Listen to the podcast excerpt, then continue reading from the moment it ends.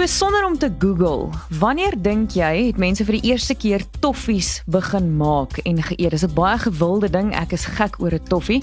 Is dit dalk in die 1950s, aan die begin van die 20ste eeu, die 19de eeu, middeleeue, gaan dit dalk so ver terug soos die Romeinse tyd of is dit veel ouer? En hoekom het mense lief geraak vir hierdie Thai lekkerny? En hoekom noem ons dit toffies?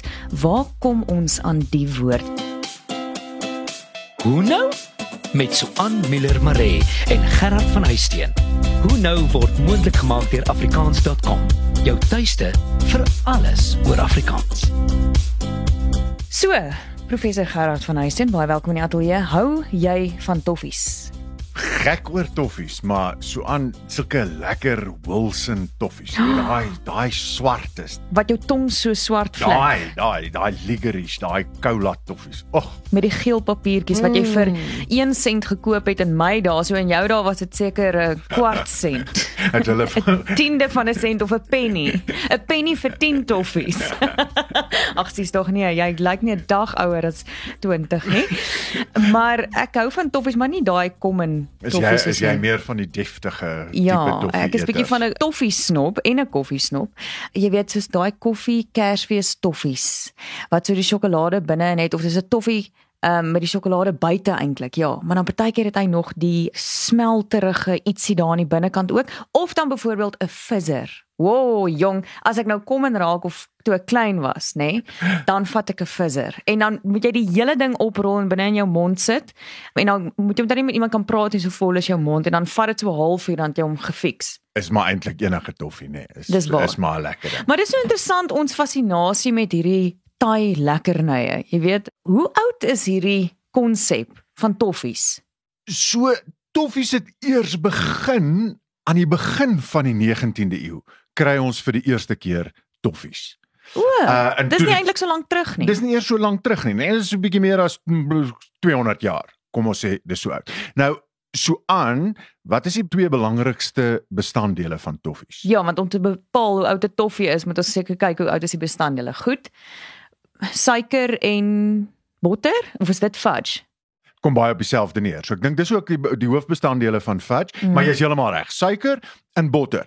Nou, wanneer het suiker belangrik geraak en waar kom suiker vandaan en so aan? Nou, hmm. Nou, dit was eers met die aanbreek van die industriële revolusie, né? Nee? So hier 1760 daar rond tot en met 1830 in daai periode wat die gebruik van suiker en botter eers belangrik geraak het en algemeen geraak het dat mense dit in kos kon gebruik, né? Die Engelse het die suiker uitgebring uit die Wes-Indiese eilande daar uit die Karibiese streek uit en toe eers het dit 'n algemene kommoditeit geraak. En toe eers kon ons begin om regtig toffies te maak. Dit is interessant om te dink die mense voor die 1760s, daai jare, het nooit toffies geken soos wat ons dit ken nie. Laat staan toffies, gewoon suiker, suiker nooit suiker geken. Soet smaak, né? En ek het 'n dokumentêr gesien waar die regerings toe suiker uitgekom het, net soos met die bekendstelling van sjokolade en koffie, het die regering se probleem gehad met mense wat verslaaf was aan suiker want hulle het heeltemal te veel daarvan ingeneem. Jy weet in vandag se tyd waar ons leef, probeer mense al hoe minder suiker eet en jy kry ja. al hoe minder produkte met baie suiker en of dit word vervang met iets anders, maar in daai tyd was dit regtig 'n groot probleem geweest. Hulle het amper half hoog geraak op suiker. En jy sal nou weet met jou Jakobus kindjie gee die 'n paar toffies in en jy nee. kan nie vanaand huis hou Ja nee, dis hoekom hy op hierdie stadium op 'n suikervrye dieet is. Ek sal seker later meer 'n uh, eh, uh, slap raak in my reels, maar ja, op hierdie stadium is dit baie interessant. Goed, so ons Afrikaanse toffie, die woord, is dit 'n leenwoord uit Engels uit of waar kom ons daaraan? Dit is inderdaad so ons kry hom uit die Engelse toffee en eers in Engels het dit bekend gestaan as taffy. Nou in Amerika praat hulle nog in party streke van taffy. Taffy. Would you like a taffy? Presies. dit maak sin. Uh, en dit is vir die eerste keer in 1825 opgeteken in die Oxford English Dictionary as 'n variant van die woord taffy. En eintlik weet ons nie 100% waar daai woord taffy vandaan kom nie, maar dit kom waarskynlik daar van die suikereilande af. Ek dink hulle wou gesê het um waffy, roep hy hom call waffy en toe was hy besig om te eet. Hy sê call coffee. Call taffy, taffy. klink vir my nou Waffy. baie. Okay, maar wat is die eintlike Afrikaanse woord? Kom ons neem 'n advertensiebreek, dan vertel ek jou net hierna. Ek kan nie wag nie. En hoe nou? Afrikaans is so lekker soos koeksisters, braaibroodjies en kondensmelk koffie. Dit is jou taal. Dit is wie jy is en hoe jy leef. Daarom nooi ons jou. Kom skryf saam aan die toekoms van Afrikaans. Vir gratis leerhulp, taalnuus, vermaak, speletjies en meer. Besoek www.afrikaans.com en volg ons op sosiale media. Koop dit, lees dit, praat dit, leef dit. afrikaans.com. Jou tuiste vir alles oor Afrikaans. Jy luister na Hoe nou met Gerard en Swan en Swan en Swan. So ons het nou 'n bietjie gepraat oor toffee of taffy, soos wat die Amerikaners dit genoem het, hoe dit aanvanklik daar bekend gestaan het en die herkoms daarvan wat nie ouer kan wees as botter en suiker nie. So dis maar eintlik 'n redelike jong lekkerny. Maar wat is dan die Afrikaanse woord? Noem ons dit 'n toffee? So naas toffie, en ja, ons het toffie, het ons absoluut in Afrikaans, is daar nog ook die pragtige woord tamaletjie. Natuurlik, is 'n baie mooi nee. woord. Nou, dis 'n leenwoord uit die Nederlandse tabletje, né? Nee, 'n klein tablet wat ons nog ook kry. Ek bedoel ons praat nog tot vandag toe praat van 'n hoestablet, né? Nee, dis ietsie wat jy suig. Dis so suiker dingetjie wat jy suig. So Ja. dis dis 'n tabletjie, tamaletjie. Mm. Uh daar kom hy vandaan. Nou volgens Leipold in sy polfyntjies vir die proe. Ah, is 'n mooi boek. O, oh, pragtige boek, nê. Nee. Sê hy en ek haal aan, dis 'n soort lekker goed wat ons vandag nie meer kry nie. Maar koddig genoeg het ek die ou resep in een van my middeleeuse kookboeke teengekom. So Ah. so aan baie ouer dis as die 1760 en so aan. Sê Leipold ken hy tamaletjies het hy al 'n resep gekry. Okay, maar dit is seker dan nie iets wat van botter en suiker gemaak is as dit uit die middeleeue uitkom nie. En ek dink Leipold gee dan presies 'n ander beskrywing daarvoor. Ja, wel kyk, my maat vir my uh, polfyntjies vir die proe gegee vir Kersfees laas jaar. So dit daai boek is vir my baie naby aan die hart. Hierso in die boek staan daar, dis nou wat Leipold sê, nê? Die tamaletjie is dis een van die oudste lekker soorte wat aan ons bekend is en is seer sekerlik afkomstig uit China. Hmm.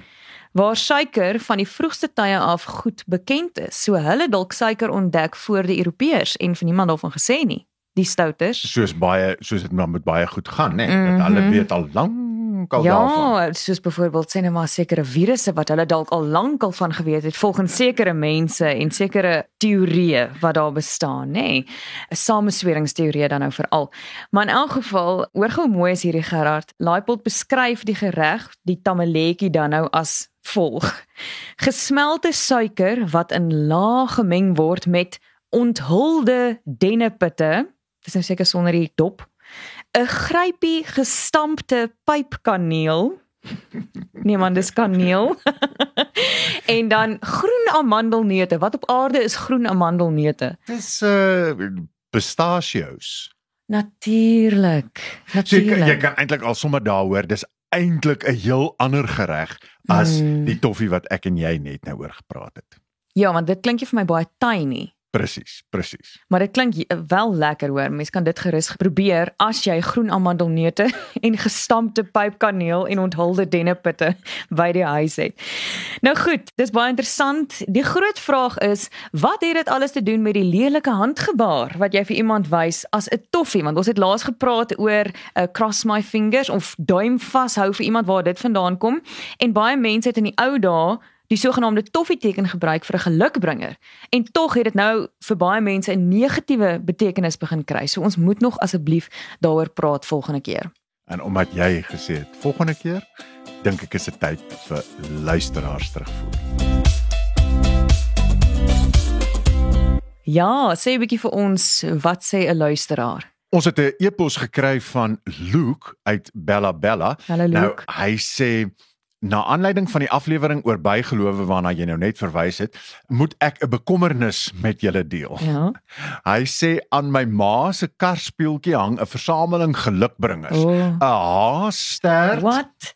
'n kruisie, gebedskrale, 'n eystervarkpen en 'n plastiek handjie wat inderdaad dan nou duim vashou. Liewe aarde. En hy sê dis vir my 'n bietjie weird. Dit is 'n bietjie weird en ek kan dink dat daar skaars plek is vir passasiers in daai kar as daar soveel gelukbringers daar hang, maar dit laat my dink aan die taxi bestuurders um, in Mauritius toe ons daar was, nie minder as ten minste 6 verskillende gode wat op hulle paneelblad binne in die kar staan sodat as hy nou in 'n reënerige situasie kom dat hy die songod aan sy kant het as hy nou in 'n ander situasie kom met hy die ek weet nie die boomgod aan sy kant tot 'n Maria wat daarso pronk al die gelowe word gekover sodat hy hy voel dan gaan hy nooit in die moeilikheid kom nie dis baie interessant nê nee. Baie interessant. Die- Klink vir my Luke se ma volg Ja. 'n bietjie die die Ja, patrone. Sy kom ook dalk van Mauritius af. Maar in elk geval, dankie vir die deelname. Lig vir ons jou mening, stuur 'n e-pos en gesels saam by info@whonow.co.za. Dis info@whonow.co.za. Onthou om volgende keer weer in te skakel. Tot dan. Who Know is saamgestel en aangebied deur Suan Miller Maree en Gerard van Huisteen en word moontlik gemaak met die tegniese ondersteuning van Marula Media en die finansiële ondersteuning van afrikaans.com. Jou tuiste vir alles oor Afrikaans.